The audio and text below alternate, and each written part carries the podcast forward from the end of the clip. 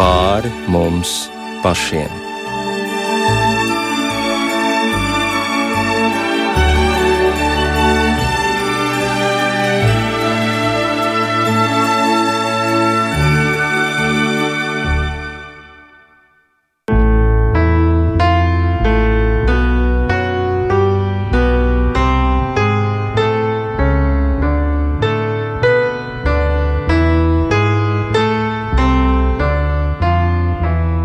Esiet sveicināti raidījumā pāri mums pašiem, lai ir slavēts Jēzus Kristus. Studijā Inte Zēgnere par skanējumu rūpējas Kristaps Eida, un šovakar mēs pievērsīsim uzmanību nu pat iznākušajai priestera Aleksandra Meņa grāmatai Cilvēka dēls, kas ir laista klajā februāra vidū izdevniecībā Kalaraksti, un kuras atvēršanas svētki notika Rīgas Svētās Marijas Magdalēnas baznīcā. Bet pirms uzsākt šo sarunu par jaunizdoto grāmatu, kas ļoti strauji ieguvusi lielu atsaucību lasītājos, nedaudz pakavēsimies pie tēva Aleksandra Meņa dzīves stāsta. Dzimis 1935. gada 22. janvārī ebreju ģimenē, taču mātes Jeļienas ietekmē tika audzināts pareizticīgā garā. Septiņu mēnešu vecumā Aleksandru Kristīja, katakombu priesteris, slepenā klosterī toreizējā Zagorskā, kā cilvēkam, kurš piedzimis Maskavā Staļina represiju uzliesmojuma laikā, viņa biogrāfija ir ļoti neparasta, jo viņš kopš bērnības slepeni piedalījās dievkalpojumos un auga katakombu baznīcas apstākļos. Liturģija notika meža pļavā vai kādas neievērojamas mājas istabā, tādēļ viņš zināja garīgās dzīves patieso cenu. Mācoties padomju skolā, Aleksandrs Meņķis nebija ne pionieris, ne komjaunietis, un tas, ka viņu neizslēdza no skolas, ir vienkārši brīnums.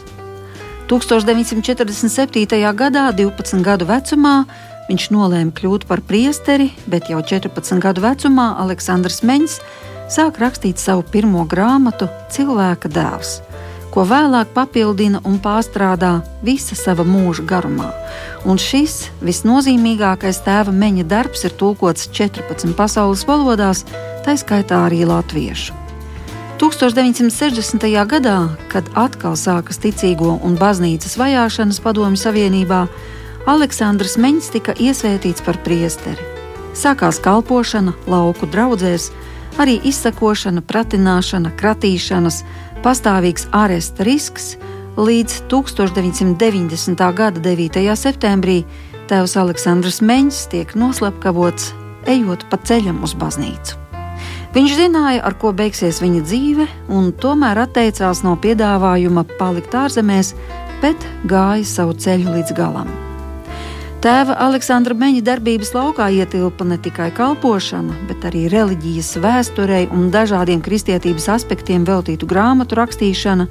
Uz viņa draugu Piemaskavā katru dienu mēroja ceļu daudzi jaunieši, maskavieši, inteliģences pārstāvji, citi ticībnieki un disidenti, tā izskaitā Naģēžda Mandelštāma un Aleksandrs Savužiņīcins. Un viņa lauku drauga bija kā viena ģimene kurā galvaspilsētas inteliģence bija sirsnīgā sadraudzībā ar vietējiem ciemata sirmgalviem.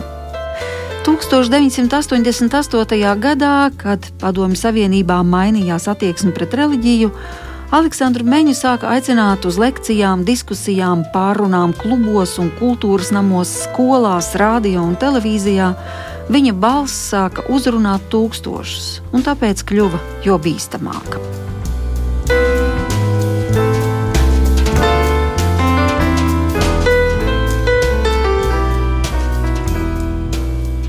Вечные вопросы. Вечные вопросы. Как часто мы о них забываем.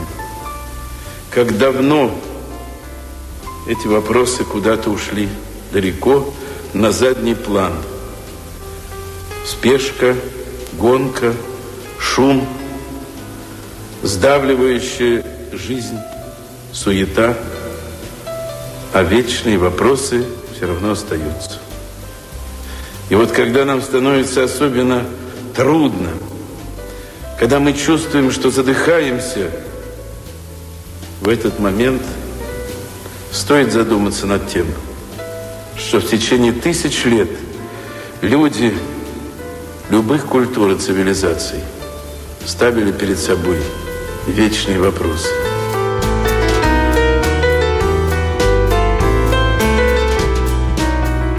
Tēva Aleksandra Meņa garīgie bērni patiešām ir saņēmuši ļoti pamatīgu un patiesu garīgo mantojumu. Un lūk, ko par savu garīgo tēvu un skolotāju ir sacījusi Aleksandra Meņa labdarības fonda vadītāja Natālija Boļšakova. Viena no tēva Aleksandra lūgšanām skan: Kungs dod mums šodien būt par tavas valstības dalībniekiem, tagad šeit jau virs zemes.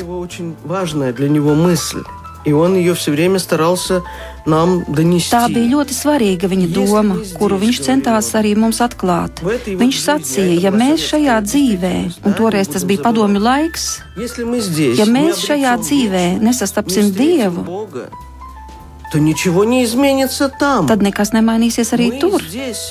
Mēs šeit sevi atklājam Dievu un sastopamies ar Kristu. Šeit. Un mēs domājām, kā tas iespējams šeit, kur notiek vajāšanas, ticības nolīgšana.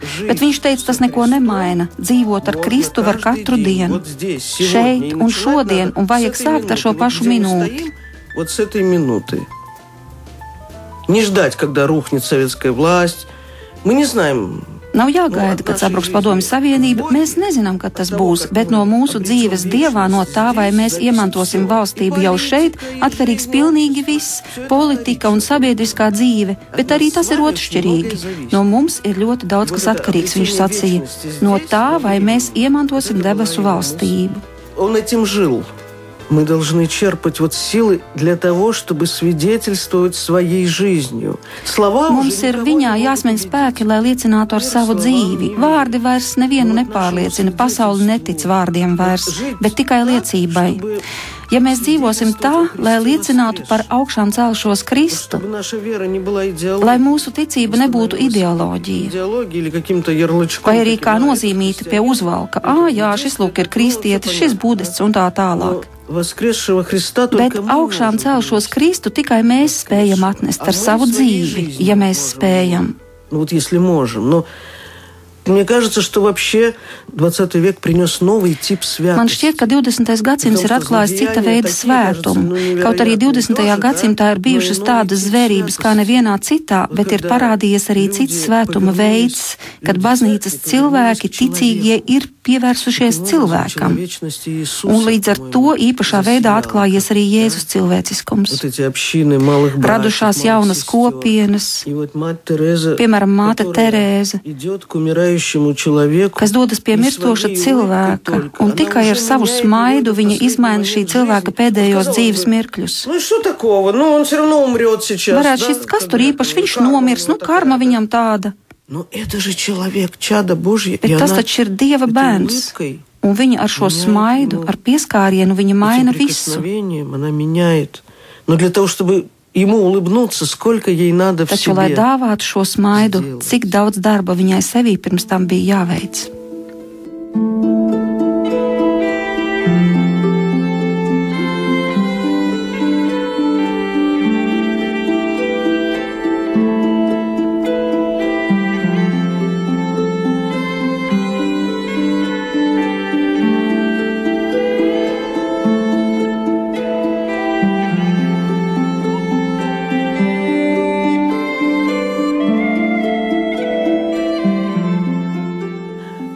брать ли строчку из Евангелия или из Евхаристии. Tēvs Aleksandrs mūs mācīja, kā tuvoties debesu valstībai, īpaši gavēņa laikā. Viņš lūdza tam pievērst uzmanību.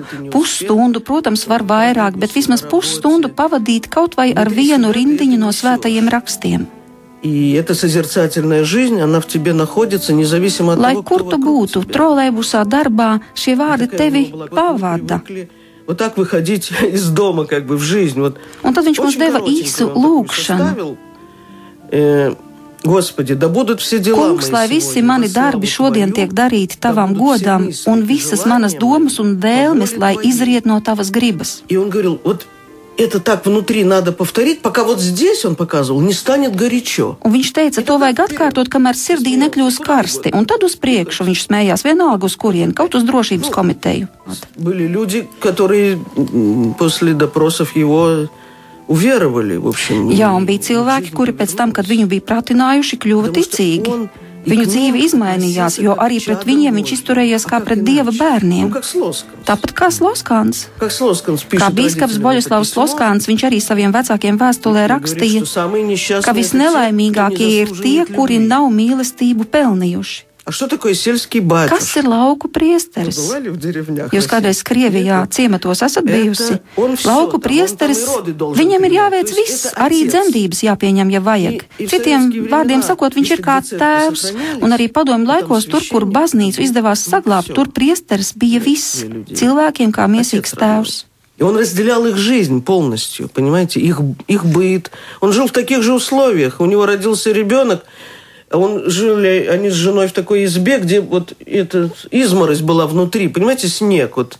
Viņš dalījās šo cilvēku dzīvēs, dzīvoja tāpat kā viņi. Tā bija neliela istaba, kur ziemā bija sienas pārklātas ar ledu, un viņš šo savu ģimenes istabu vēl pārdalīja uz pusēm ar aizskaru un savās mājās pieņēma cilvēkus. А он их любил. Tātad viņš ar savu augsto izglītību, viņš mīlēja šos parastos vienkāršos cilvēkus un mācīja lasīt, jo tur bija arī analfabēti. Таких видела. О, у него хватало времени учить их читать. Viņam pietika laika, lai mācītu viņiem lasīt, un viņi pēc tam laimīgi paši lasīja svētos rakstus. Viņš arī sadabūja viņiem bībeli, jo toreiz arī bībeli nebija viegli Меня dabūt. поразило сразу деревенский деревянный храм, ну вот Арнис там был, и вот советские годы. Много мужчин в храме. Un tad, kad es pirmoreiz nokļuvu viņu baznīcā, mani ļoti pārsteidza. Arnis arī tur bija un zina, bet padomu laikā draudzē tur bija daudz vīriešu, jauni vīrieši, protams, arī lauku cilvēki. Bet bija pārsteidzoši tas, kas mani aizkustināja, ka viņš apvienoja visus šos studentus no Maskavas akadēmiķus, inženierus. Tur daudzi arī brauca, viņš visus apvienoja.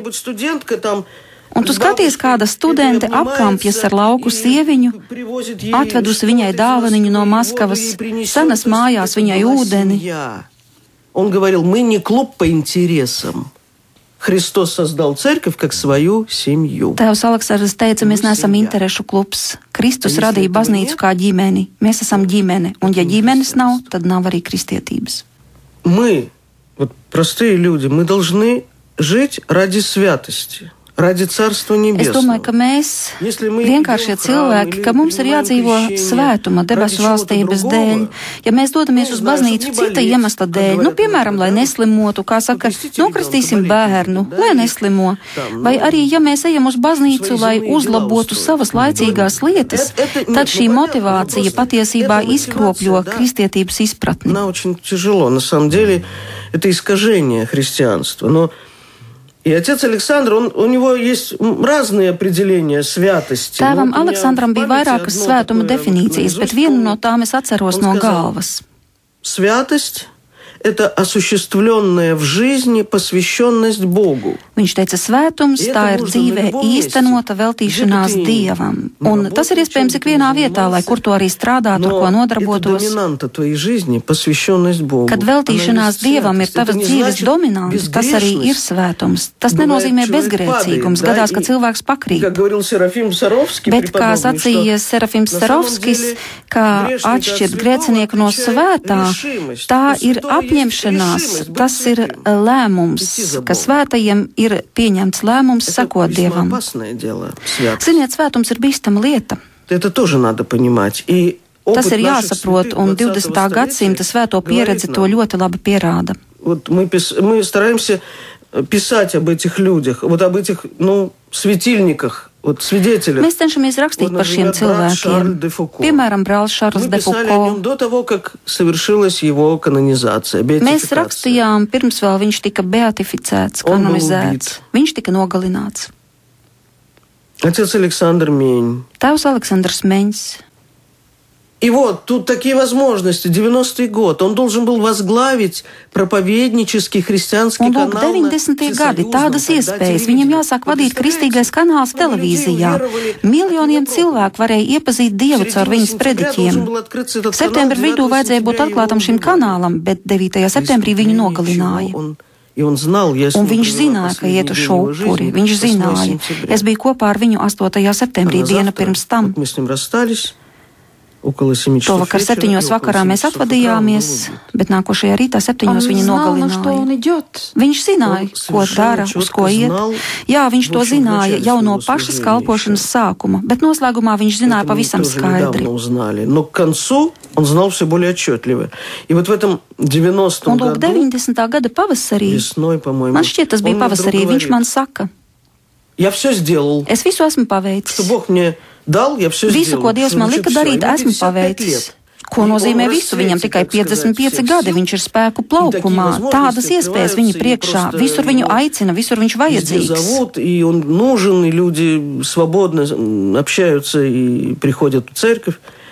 И он нужен, и люди свободно общаются и приходят в церковь. Я говорю, что значит все сделал? Он es сказал, vaicāju, ko nozīmē visu paveicu. Viņš saka, esmu izaudzinājis Это trīs cilvēku paudzes. Tas toreiz tai valstī bija pats bīstamākais. Citādi domājošus cilvēkus viņš bija izaudzinājis. Tavs Aleksandrs sacīja, lūk, to cilvēku mazbērni, kuru vecstāvs es kādreiz biju kristījis, apzināti ir sākuši iet uz baznīcu. Kāpēc viņš man toreiz to teica? Nu, un tajā 8. septembrī viņš bija pilnīgi neparasts un neparasti darīja visu. Gan uzklausīja grēku sūdzi, gan to, ko viņš man sacīja. Es viņam saku vienu, viņš man runā par kaut ko pilnīgi citu.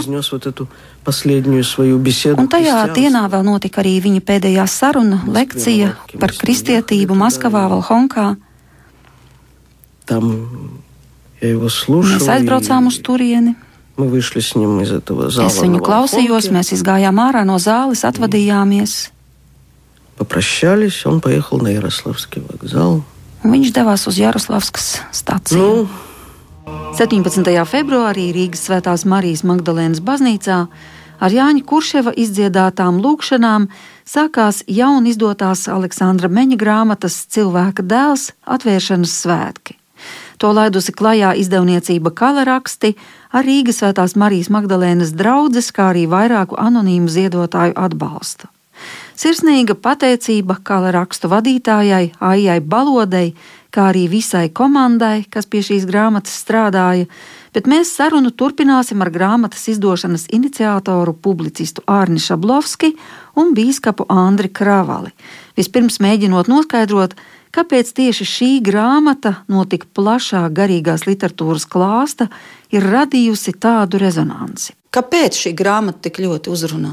Pirmkārt, šī ir viņa svarīgākā grāmata. Es viņu lasīju ļoti sen. Tas bija atmodas pirmajos gados, tad, kad viņa parādījās. Jo teiksim, mana nu, garīgā dzīve faktiski pēdējos gadus, vai garīgā izdzīvošana bez Aleksandra Meņa tekstiem viņa nebūtu iespējama. Un tādēļ es inicēju šo pašu pirmā grāmatiņu, bija šī mazā lūkšana grāmatiņa, Svētī man lūkšana. Šīs lūkšanas, sagatavošanās grēksūdzē teksts, bet vislielāko revolūciju un rezonanci manī raisīja viņa teksts Credo kur viņš īsā formātā noformulē ne tikai savu ticību, baznīcas pamatiem un kristumu, bet arī situāciju, kurā cilvēks, kas sāk ticēt, var nonākt, kurā viņš tiek konfrontēts laiku pa laikam ar savu draugu, ar savu konfesiju, ar, ar kristietības situāciju. Un viņš caur to tekstu iemāca cilvēku būt paļāvībā, pamatā uz pašu Kristu ka šīs ir galvenās attiecības, šis absolūtais kristocentrisms. Un es domāju, ka tas ir tas, kas iet cauri visai viņa priestera darbībai, visai viņa radošai darbībai. Un es domāju, ka tas ir tas uh, medus, ja tā var teikt, tas ir tas gara pieskāriens, kas cilvēku uzrunā. Neatkarīgi no tā, kurā konfesijā viņš nebūtu, neatkarīgi no tā, cik gadus viņš ir uh, pavadījis kristietībā, bet gadās, ka viņš veikdams svētu, labu rituālu ikdienā, tā, viņš jūtas piekusis no savas garīgās dzīves, izmocīts. Un Aleksandrs caur saviem tekstiem, un arī caur šo cilvēku dēlu, zināmā mērā viņu atgriež atpakaļ attiecībās ar Kristu, kas viņu atjauno, kas viņu spirdzina.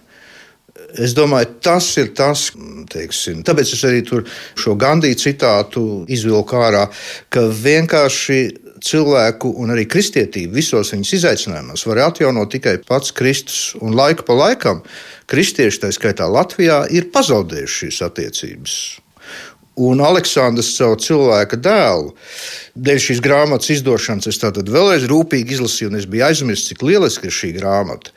Viņš mums dod šo sapratni, ka mēs īsti nezinām Bībeli, mēs neesam lasījuši Bībeli, un mēs īstenībā nepazīstam vismaz to Kristu autentisko. Mums ir teiksim, šis teorētiskais priekšstats par Kristu, bet par viņa spēku šī pieredze iespējams mums nav bijusi. Un tad ir tas brīnums, ka cilvēki, kas saskaras ar šo Kristus spēku caur priesteri Aleksandru, un arī es domāju, visi, kas piedalījās pie šīs grāmatas, vienkārši sajūta šo tādu intensīvo prieku, vai viņi sajūta sevī personiski šo labo vēsti, ka labā vēsts patiešām ir priecīga, ka mūsu dievkalpojumiem nav jāizskatās kā bērnu dievkalpojumiem ka Kristus mēs esam ceļā uz to vēlreiz, bet viņš patiešām ir augšām cēlies. Un ka baznīca ir šīs priecīgās attiecības savā starpā, rūpes vienam par otru, mazas mīlestības zīmes un tā tālāk. Es domāju, tas ir tas, kad mūsu draugs, neatkarīgi no konfesijas, ir izslāpušas pēc tā. Un intuitīvi dvēseli viņiem atbild, tas ir tas, ko es meklēju. Šī ir īstā lieta. Jā, tu minēji Gandiju. Ko tad konkrēti Gandijs ir teicis? Nu, Kāpēc tu šo citātu izvēlējies arī grāmatā? Nu, tā nebija mana izvēle to likt uz vāka. Tā ir izdevniecības vadītājs AIS izvēle. Bet ir skaidrs, ka cilvēku labā nozīmē pamodina zināma provokācija. Un, ja mēs skatāmies arī Jēzus uzrunas tā laika vidē, nu, tās bija provokatīvas. Bet Gandija garīgais ceļš ir īpašs. Varbūt daudzi nezina, ka studējot Londonā, pirmā no garīgajām grāmatām, ko viņš nopietni izlasīja, bija tieši Bībele. Bhagavad Gita viņš izlasīja pēc tam. Un viņš bija tādā iekšējā cīņā, viņš tiešām bija jau garīgi izvēlējies eh, kļūt par kristieti. Un viņam bija draugs, anglikāņu mācītājs, kuram viņš gan uzdeva šo vienu citu jautājumu. Vienkārši viņi pārnāja šo lietu, kad Indija ir tajā brīdī bija uh, Britu kolonija. Un šis anglikāņu mācītājs viņam teica, ka tā ir dieva griba. Un tad uh, Nabaga Gandijs vaicāja, kurā vietā tieši jaunajā derībā tas ir rakstīts. Un, respektīvi, visa Gandija, šī miermīlīgā kustība pasaulē, pazīstama, no kuras arī Baltijas ceļš ir ietekmējies, ir būtībā balstīta uz kalnu sprediķi. To viņš skaidri atzīst. Bet par kristiešiem, jā, tad viņam pieder šis teikums, ka kristieši ir tie, kuriem ir vislabākā vēsts, bet kuri paši tai neseko. Un šo tekstu lietoja arī māte Terēze, uzrunājot savus māsas, jo māte Terēze, dzīvodam vienā laikā ar Gandiju, ir ļoti ietekmējusies no viņa. Un viņa tam pievienoja vēl vienu jautājumu savām māsām, bet vai tā nav taisnība? Un man liekas, ka tas rezonē kopā ar Aleksandra Meņa teikto viņa pēdējā uzrunā, pēdējā lekcijā Kristietība, kur viņš saka, ka mēs esam ļoti tālu no tā, lai mēs patiešām pazītu Kristu ka kristietība visā savā vēsturē un kaut kādās mērauklās 2000 gadi vai drusku vairāk ir ļoti īss laiks, ka mēs esam bērnu autiņos, lai saprastu, ka kristietība savā vēsturē ir veikusi kļūdas, pārpratums un tā tālāk, un tikai mazliet ir sapratusi Kristu. Arī šī laika izaicinājumos, es domāju, tas uzdod jautājumus, uz kuriem mums katram pašam ir savā sirdsapziņā, savā vidē jāmēģina atrast atbildes. Jā, cik dīvaini tu saki, kristietība vēl bērnu autiņos. Nu, labi, pieņemsim, ka tas bija teikts pirms 50 gadiem, bet daudzi jau tagad runā piemēram par kristietības norietu. Jā, tieši kristietības noriet, bet ne Kristus noriet. Tā būtu Aleksandra atbilde. Tas nozīmē, ka cik tālu Kristus ir mūsu starpā, tik tālu viņš ir dzīves, viņš ir augšām cēlies.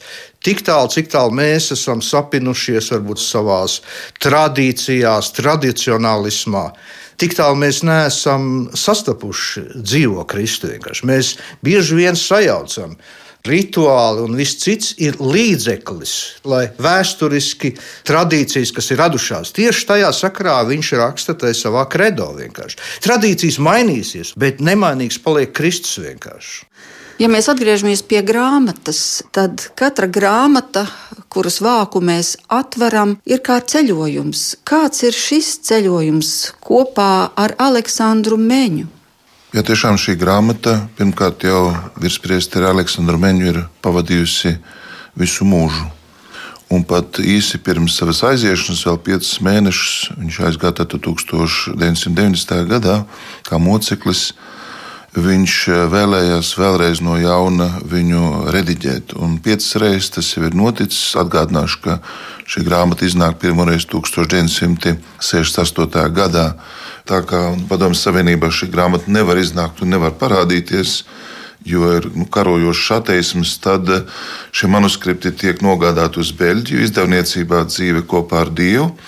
Un jēzuīti tēvi, kas eh, tur strādā, izdod viņu īstenībā ar pseidonīmu Bogoļubov. Eh, tad, tad viņš arī turpina nu, savas dzīves laikā, kad jau ir iespēja izdot šo grāmatu, dublēt Krievijā. Tā arī tiek tulkota ļoti ātri ne tikai franču valodā, bet citās valodās. Un es domāju, ka šeit šīs grāmatas nopelns ir tāds, ka tas ir arī sava veida tilts starp to, kā viņš redzēja šo ekumenisko izaicinājumu un spēja balstoties uz ļoti pieticīgiem, nu, tā laikā, esot Krievijā materiāliem, atrast avotus, lai kaut ko tādu uzrakstītu. Atcerēsimies, ka 50. un 60. gadi pagājušā gadsimtā bija laiks, kad tu nevarēji Bībeli parādīt eh, atklāti, ka tu īstenībā to lasīji slepenībā. Tieši ar šo grāmatu viņš gribēja atklāt Kristu, parādīt, cik eh, Kristus ir fascinējošs. Ja cilvēki nenonāk līdz evaņģēliem, viņiem nav šī iespēja, tad šī grāmata bija pirmais, varbūt tāds krievu valodā ateisma laikā Kristus dzīves apraksts. E, Kristus ceļš no viņa agrīnās bērnības līdz augšām celšanās notikumam.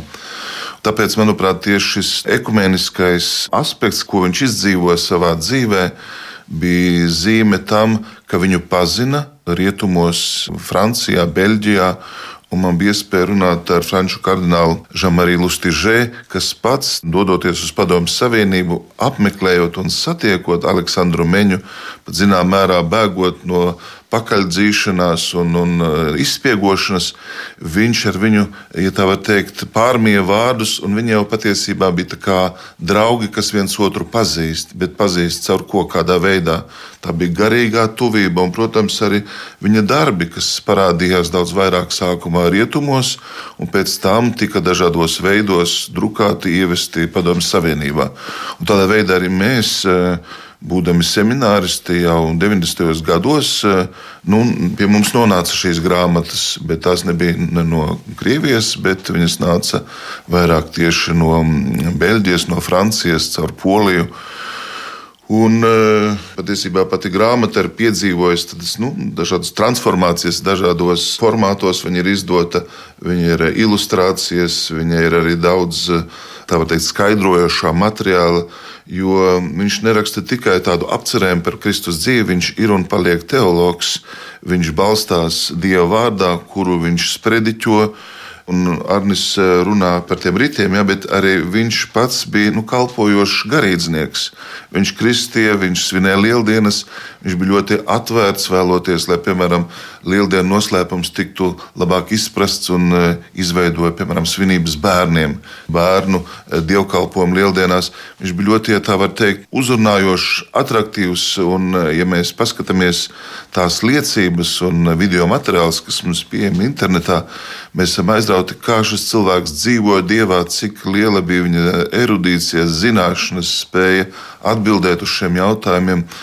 Un es gribu ielūgt, varbūt šis vēl nav tas īstais brīdis, bet Svētās ģimenes mājā mums ir diezgan liels materiālu daudzums gan par viņa dzīvi, fotografijas, gan viņa darbi, gan arī šīs grāmatas, kas tulkotas dažādās valodās un ar šo nu, tādu garīgo materiālu labāk iepazīties. Viņš bija tiešām ļoti, ļoti apdāvināts.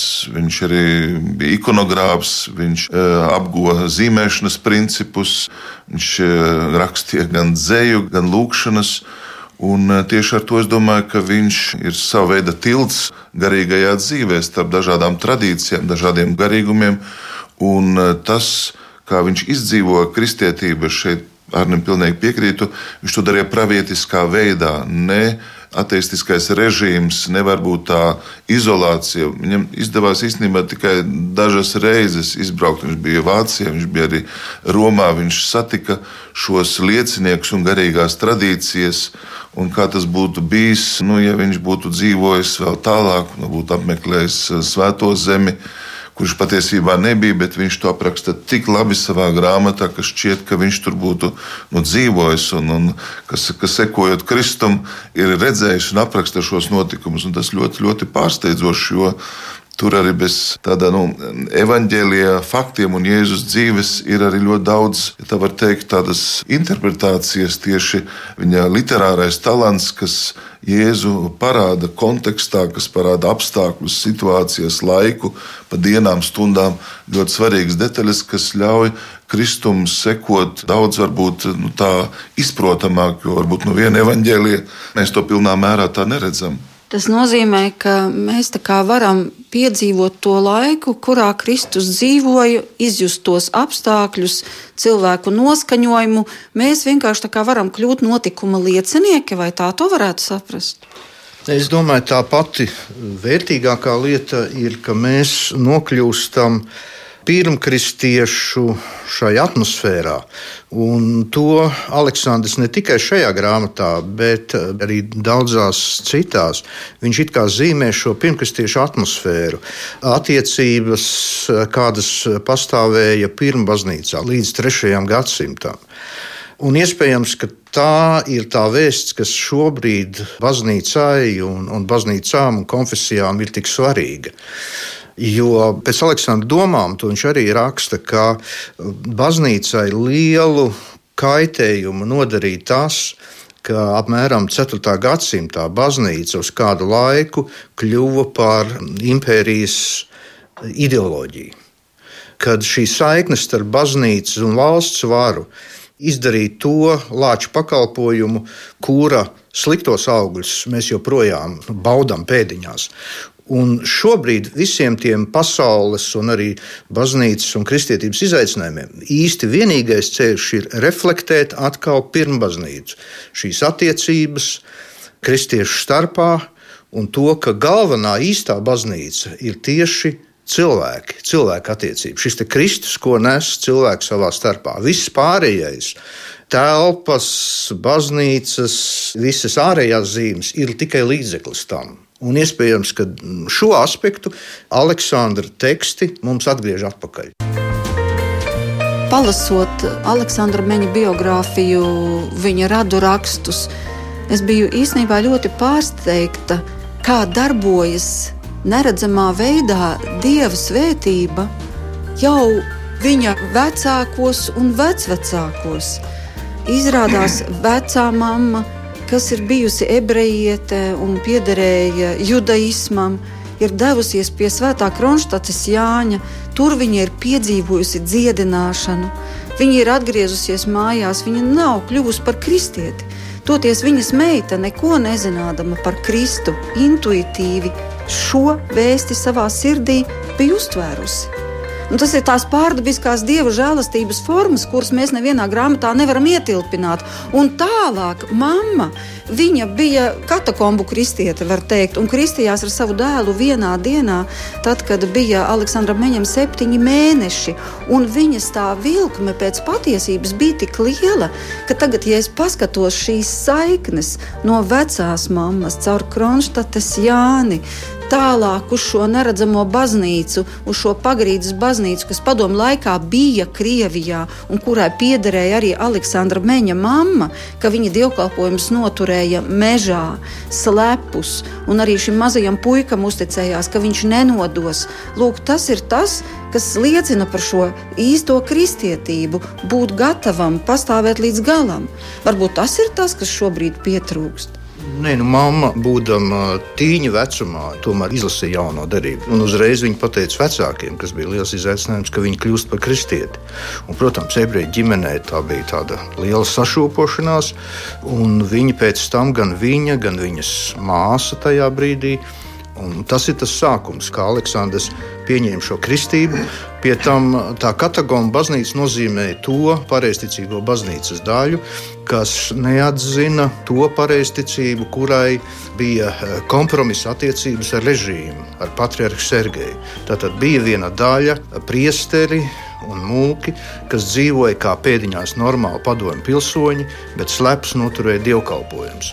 Tieši tā bija tā formācija, šie cilvēki, ar kuriem Aleksandrs no bērnības bija kontaktā, veidojās.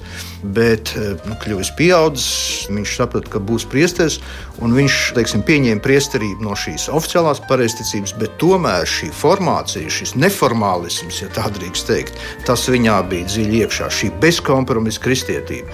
Jā, šajā nozīmē šī bezkompromisa kristietība ir absolūti vajadzīga, nepieciešama, un Aleksandrs ir zīme tai.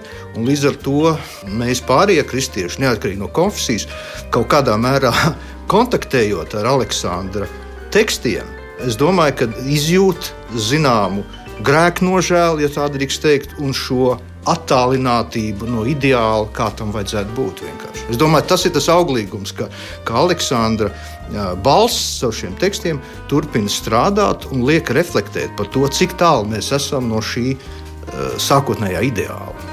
Un tie garīdznieki, kas dievkalpojums noturēja mežā, slepus un tā, viņi sacīja, ka viņi necīnās ne pret vienu, bet viņi grib saglabāt ticību tīru, saglabāt šo ticības tīrību. Jā, īpaši varam redzēt, ka tādos apstākļos, kad uh, ateisms patiešām bija ne tikai nomācošs, bet karojošs, kad jau tika pasludināts, ka tad uh, tiks aizslēgta pēdējā baznīca kad vispār eh, pēdējais kristietis būs. Tieši šajā laikā šis bērns, pat jaunietis, saņem šo aicinājumu. Redzot eh, Staļina režīmu, viņš arī stāsta, kā tas notiek viņa dzīvē. Un ka mm, tādā garīgajā vakumā, kas eh, valda, ka tieši tur šīs slāpes pēc Kristus nu, nevar tikt izdzētas, nevar tikt apslāpētas. Un, uh, protams, šī katakombu pieredze iezīmēs uh, Aleksandra Meņu, bet uh, tāpat laikā arī cilvēki redzot viņā šo Kristus liecinieka klātbūtni, šo gatavību nu, ziedoties, nemitīgi arī iedziļināties Kristus vēstītos, sludināt, nebaidīties no tās apkārtējās vides. Viņš zināmā mērā bija dubult moceklis, jo arī viņš cieta, protams, nu, savā baznīcā Tieši tāpēc viņš tika ja teikt, izstumts. Viņš nekad nebija kādās lielās draudzēs, bet tās mazās draudzīs, kur viņš bija, kļuva ļoti ātri par tādiem nu, garīgiem centriem, jo inteliģence tiecās caur saviem darbiem, rakstiem, caur savu sludināšanu. Viņš kļuva pazīstams. Un uh, viņā ir arī šī Kristus klātbūtnes ģenialitāte, jo šie vārdi pavisam vienkārši pateikt, tajā laikā uzrunā. Bet man kā garīdznieku ļoti pārsteidz tas, ka kā viņš spēja būt eh, ekumenisks, varbūt tajā laikā pat šādu terminu nelietojot. Bet viņš nešķiroja cilvēkus, viņš viņus uzklausīja, viņš viņos redzēja to labāko un spēja aizraut. Un eh, tieši tāpēc jau viņš arī inicēja vēlāk arī šo žurnālu Kristiānus, kas turpina iznākt arī ļoti ciešā saistībā ar Latviju, ar Rīgu, ar Aleksandra Meņa fondu, kas šo garīgo mantojumu patur un, un turpina attīstīt un turpina iepazīstināt cilvēkus. Un, manuprāt, tieši caur viņa pieredzi mēs varam labāk saprast eh, katakombu baznīcu un to, kā dieva gars turpināt dzīvot, vadīt arī daudz sarežģītākos un grūtākos laikos. Un tieši tāpēc arī šodien mums ir nu, jāizdara radikālas izvēles Mēs vairs nevaram būt kompromisa stāvoklī ar pasauli, bet baznīcai vajag iet šādu nu, atgriešanās grēku nožēlas, reizē garīgas atjaunošanās ceļu. Un tas ir iespējams, un Aleksandrs Mens ir liecinieks nu, šai patiesībai. Tieši tāpēc viņš arī kļūst aktuāls, viņa vēsts mūs turpina uzrunāt. Un, uh, Šķiet, ka nu, šīs lietas, ko viņš jau pirms 50, 60 gadiem ir pateicis, uzrakstījis, domājis, viņas nezaudē savu aktualitāti, jo pravietiskā veidā tās ir pateiktas tādā kontekstā, kas arī šodien mums ir ļoti svarīgs un kaut kur ir ļoti līdzīgs. Labi, bet kas tad šodien ir tie lielie izaicinājumi? Meņa laikā tie bija vieni, šodien mēs dzīvojam jau citos apstākļos. Nē, nu, ja mēs klausāmies ziņas, mēs zinām, kas ir šodienas izaicinājumi. Var būt dažādi viedokļi par to, kas notiek šobrīd pasaulē. Es domāju, izaicinājumi tieši kristietībai. Nē, es, pasaulē es, es, kopā es domāju, mēs jau redzam, kāda es, viņi ir. Es domāju, tie ir savstarpēji saistīti. Tie absolūti savstarpēji saistīti. Ka tajā, kas notiek šobrīd, ir arī tas, ka nu, pasaule ir zaudējusi ne tikai dievu kaut kādā nozīmē, bet arī burtiskā nozīmē. Var būt dažādas interpretācijas par šo pandēmiju, bet tā ir dieva prombūtne manā uztverē. Un arī šī grāmata kaut kādā mērā bija, nu, teiksim, tie, kas iesaistījās un tulkoja, kaut kādā mērā kā atbildi uz šo. Ši, šis bija kā pretkustība. Šis bija tas mēģinājums, un, un es domāju, visi, kas piedalījās, un paldies visiem, gan grāmatas māksliniecei, gan izdevniecībai, to sajūta, ka viņi pieskarās kaut kam būtiskākam, kas ir darīts līdz šim, ka šī ir atbilde tam, kas apkārt notiek. Es atceros, ko teica Meņa skolniece Natālija Boļšakova par to, ka, kad viņa nonāca Aleksandra Meņa tuvumā, Tā varēja būt kaut vai īsa lūkšana, bet šai lūkšanai bija tāds spēks, ka pilnīgi fiziski tu izjūti mieru, tu izjūti, ka kaut kas tavā garīgajā dzīvē ir mainījies. Un patiesībā jau to ik viens cilvēks gribētu izjust arī šodien. Bet nu, kā tad mēs varam nonākt līdz tam? Nu, to atbildi katrs saņems personiski, bet kas attiecās uz meņu, tad man bija tā dāvana pirms kādiem gadiem būt pie viņa kapa. Es apzināti izvēlējos, un, un, un sakritības dēļ es tur nokļuvu. Toreiz šis kaps nebija ar tādu, eh, teiksim, šobrīd tur ir liels piemineklis, tas bija asketisks kaps, bet tā fiziskā sajūta bija, ka tu esi pie tādas strauta klātbūtnes, bet šis strauts ir, ir asiņu strauts, tāds burbuļojošs asiņu strauts. Tā bija tāda nu, pārdabiska sajūta, un tikai ar laiku es sapratu, un laikam kādi ir kaut ko līdzīgu par mocekļiem rakstījuši, ka tās ir Kristus asins, kas turpina burbuļot caur šiem mocekļiem.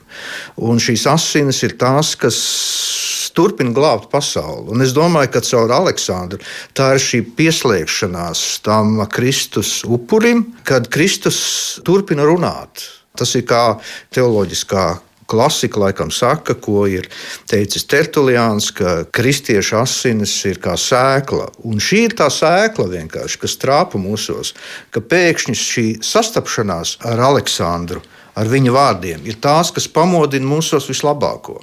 Tad, kad mēs lasām par meņa laiku, tur ir šis Staļina režīms, un tad ir Hruščovs ar visām vajāšanām un visu pārējo, un tad ir tā viņa tīrā apzinātā izvēle piederēt dievam, piederēt Kristum, sakot, lai ko tas viņam arī maksātu. Un Bībelē ir šie vārdi. Viņi vajāja mani, respektīvi Kristu, un viņi vajās arī jūs. Bet kāpēc kristietība nevienam laikam nav ērta? Nu, viņi taču sludina labas lietas. Neviens bauslis nav ar negāciju. Tas ir modelis, kā dzīvot vislabākajā veidā cilvēcei. Un tajā pašā laikā ir jau sen šie pravietiskie vārdi, ka, lai kāds gadsimts nebūtu, rēķinieties, ka jūs ienīdīs mana vārda dēļ, jūs nesapratīs, jūs vajās, jūs mēģinās ierobežot, jūs ar to sastapsieties. Mana valstība nav no šīs pasaules, saka Kristus. Un tas ir tas, nu šobrīd nāve, mēs baidāmies no nāves. Bet uh, Aleksandrs ar savu dzīvi un arī šī autentiskā kristietība pierāda, ka ir nāve, kas patiesībā ir piedzimšana dzīvībai. Tā ir arī lieldienu vēsts vienkārši. Kāpēc tie pirmie kristieši gāja priecīgi uz nāvi? Viņi nebija idioti. Viņi bija sastapuši Kristu, un tas bija pāri par to, ka aiz šīs dzīves patiešām ir dieva sastapšanās. Tas ir ko Māte Terēza arī saka. Tā ir iešana uz mājām. Tas ir pilnīgi arī cits skats uz nāvi. Un tad nav bail. Un, un bailes jau ir, ko mēs redzam, um, ka tagad ir pilni mēdīji un viss mēs baidamies, esam nomākti un tam līdzīgi. Ja? Tātad nu, mana garīgā dzīve sākās no Mišela Montēņa teksta par to, ka cilvēks ienākot pasaulē ar savu kliedzienu, tuvojas nāvei ar katru sekundi. Un viņš teica, tas, kas cilvēkam iemācīs priecīgi mirt, iemācīs viņam priecīgi dzīvot. Jā, un ir vēl tāda grāmata no Aleksandra tēva, kas ir viņa grēknožēlas sprediķi, Prostīnas Griešņih, jeb latviešu tas būtu piedod mums grēciniekiem. Un šodien vilcienā braucot uz šo sarunu, atvērās kāds sprediķis no 88. gada 4. decembra, kur Aleksandrs ir sacījis šādus vārdus. Mēs dzīvojam tā, it kā mums būtu priekšā katram vēl 500 gadi, taču mēs aizmirstam, un mums būtu jāzina, jāatcerās, ka mūsu dzīve var ļoti ātri izbeigties. Jo mēs nezinām, vai mēs nodzīvosim vēl līdz šī gada beigām. Un nav svarīgi, vai mēs esam jauni, veci, slimi vai veseli. Cilvēciskā dzīve var pārtrūkt ļoti viegli. Katru dienu mūs var pasaukt, lai mēs varētu dot atbildi par savu dzīvi. Tādēļ mums vajadzētu būt ļoti nopietniem pret šīm lietām. Ko gan mēs esam izdarījuši priekš mūžības? Un jūs taču zināt, ka dieva uguns mūžībā sadedzina visu nevajadzīgo, visu slikto, visu grēcīgo. Bet, ja no mums paņemtu prom visu grēcīgo, visu laicīgo, kas tad tur paliktu? Gan drīz nekas. Diezgan aktuāli arī šodienas sakarā, lai arī 88. gads, divus gadus pirms viņa paša aiziešanas mūžībā, un šī grāmata laikam nav tulkota latviešu. Ir jau iztulkoti četri no šiem sprediķiem. Un man šķiet, ka šis būtu nākošais solis, ja cilvēka dēls dziļāk iepazīstina ar autentisko Kristu. Tad um, šie sprediķi, šie Aleksandra sprediķi, atbild uz vēsturisko jautājumu, teikt, ko darīt. Jeb Aleksandrs varētu strādāt ar mums, tie, kas lasa šo grāmatu, strādā ar katru cilvēku, Ko tas nozīmē? Kāda ir mūsu reakcija? Tas nozīmē saprast ne tikai teorētiski savu grēcīgumu, bet mainīties. Jā. Kādā veidā mēs varam mainīties? Kā ar mūsu dvēseli nu, notiek šī normālā reakcija? Tieši tā pati reakcija, kāda notika ar vēsturiskiem līdzcilvēkiem, kuri sastapa Krista Bībelē. Nu, ko tēvs Aleksandrs Meņš mums teiktu šodien? Es atceros, kad es skatījos šos vairākus simtus fotografiju par viņu dzīvi, par viņu attiecībām, ģimenē, par viņu kā garīgo tēvu, kā kalpotāju. Tu tiec uzrunāts no viņas skatiena, no mīlestības uz Kristu. Un, eh, es domāju, Aleksandrs eh, Mēnesis teiktu, pirmkārt, jau to, ko saka Kristus. Nebaidieties, esiet droši, es uzvarēšu šo pasauli. Eh, mīlestība ir pēdējais vārds un arī uh, apzināties, ka jūs neesiet vieni, ka mēs arvien vairāk esam aicināti redzēt mūsu uh, brāļus, māsas Kristu. Un neaizmirst arī, protams, mocekļu piemiņu, ticības liecinieku piemiņu. Saprast, ka Dievs katram dod iespēju, Dievs nevienu neaizmirst, neatstāja. Ka mums arī caur šo brīnišķīgo grāmatu uh, Dievs piedāvā labāk iepazīt, satikt Kristu un vairāk pakārtot savu dzīvi viņam. Bet es domāju, ko viņš mums teiktu. Viņš mums teiktu, pirmkārt, paldies tai komandai, kura cilvēka dēlu, tas ir svarīgāko no viņa grāmatām, iedeva uh, latviešu valodā, kas ļauj viņa balsī skanēt latviešu. Un es domāju, visai tai komandai Bez biskupa Andra šis projekts nebūtu noticis, bet arī gan Tulkam Zigultam Skābārdim, gan Astrai Feldmanai, bez kuras valodas iegludināšanas šis teksts nebūtu iegūst šo labskanību, bez pareizticīgā redaktora Ārņa Kudiņa, kas mums palīdzēja labāk saprast pareizticīgo terminoloģiju, un, protams, bez, bez AIS balodas un vispirms bez Aleksandra Meņa biedrības, kas ļauj Aleksandra gaismai, viņa iedegtai ugunī, būt mūsu vidū Latvijā. Un, protams, tas, ka grāmata tik lieliski izskatās, to ir paveikusi mākslinieca Laura Feldberga. Un, protams, to, ko biskups Andris arī inicēja, ka šī grāmata ir iznākusi arī ar Katoļu baznīcas informācijas aģentūras oficiālu projektu, kuru atbalstīja daudz anonīmu ziedotāju. Tas nozīmē, cilvēki arī šādā nozīmē atbalstot šīs grāmatas iznākšanu jūta, ka viņi piedalās pie kaut kā ļoti, ļoti svarīga. Un es ceru, un esmu pārliecināts, ka šī nebūs vienīgā. Būs vēl trešā, ceturtā grāmata, jo šī balss mūsu vidū ir vajadzīga, jo viņa liek mums mainīties, liek mums saprast no jauna, restartēt, neatkarīgi no konfesijas, ko nozīmē būt kristietim šī vārda sākotnējā nozīmē. Radījumā pāri mums pašiem Ielūkojāmies priestera Aleksandra Meņa nesen latviešu valodā klajā nākušajai grāmatai Cilvēka dēls.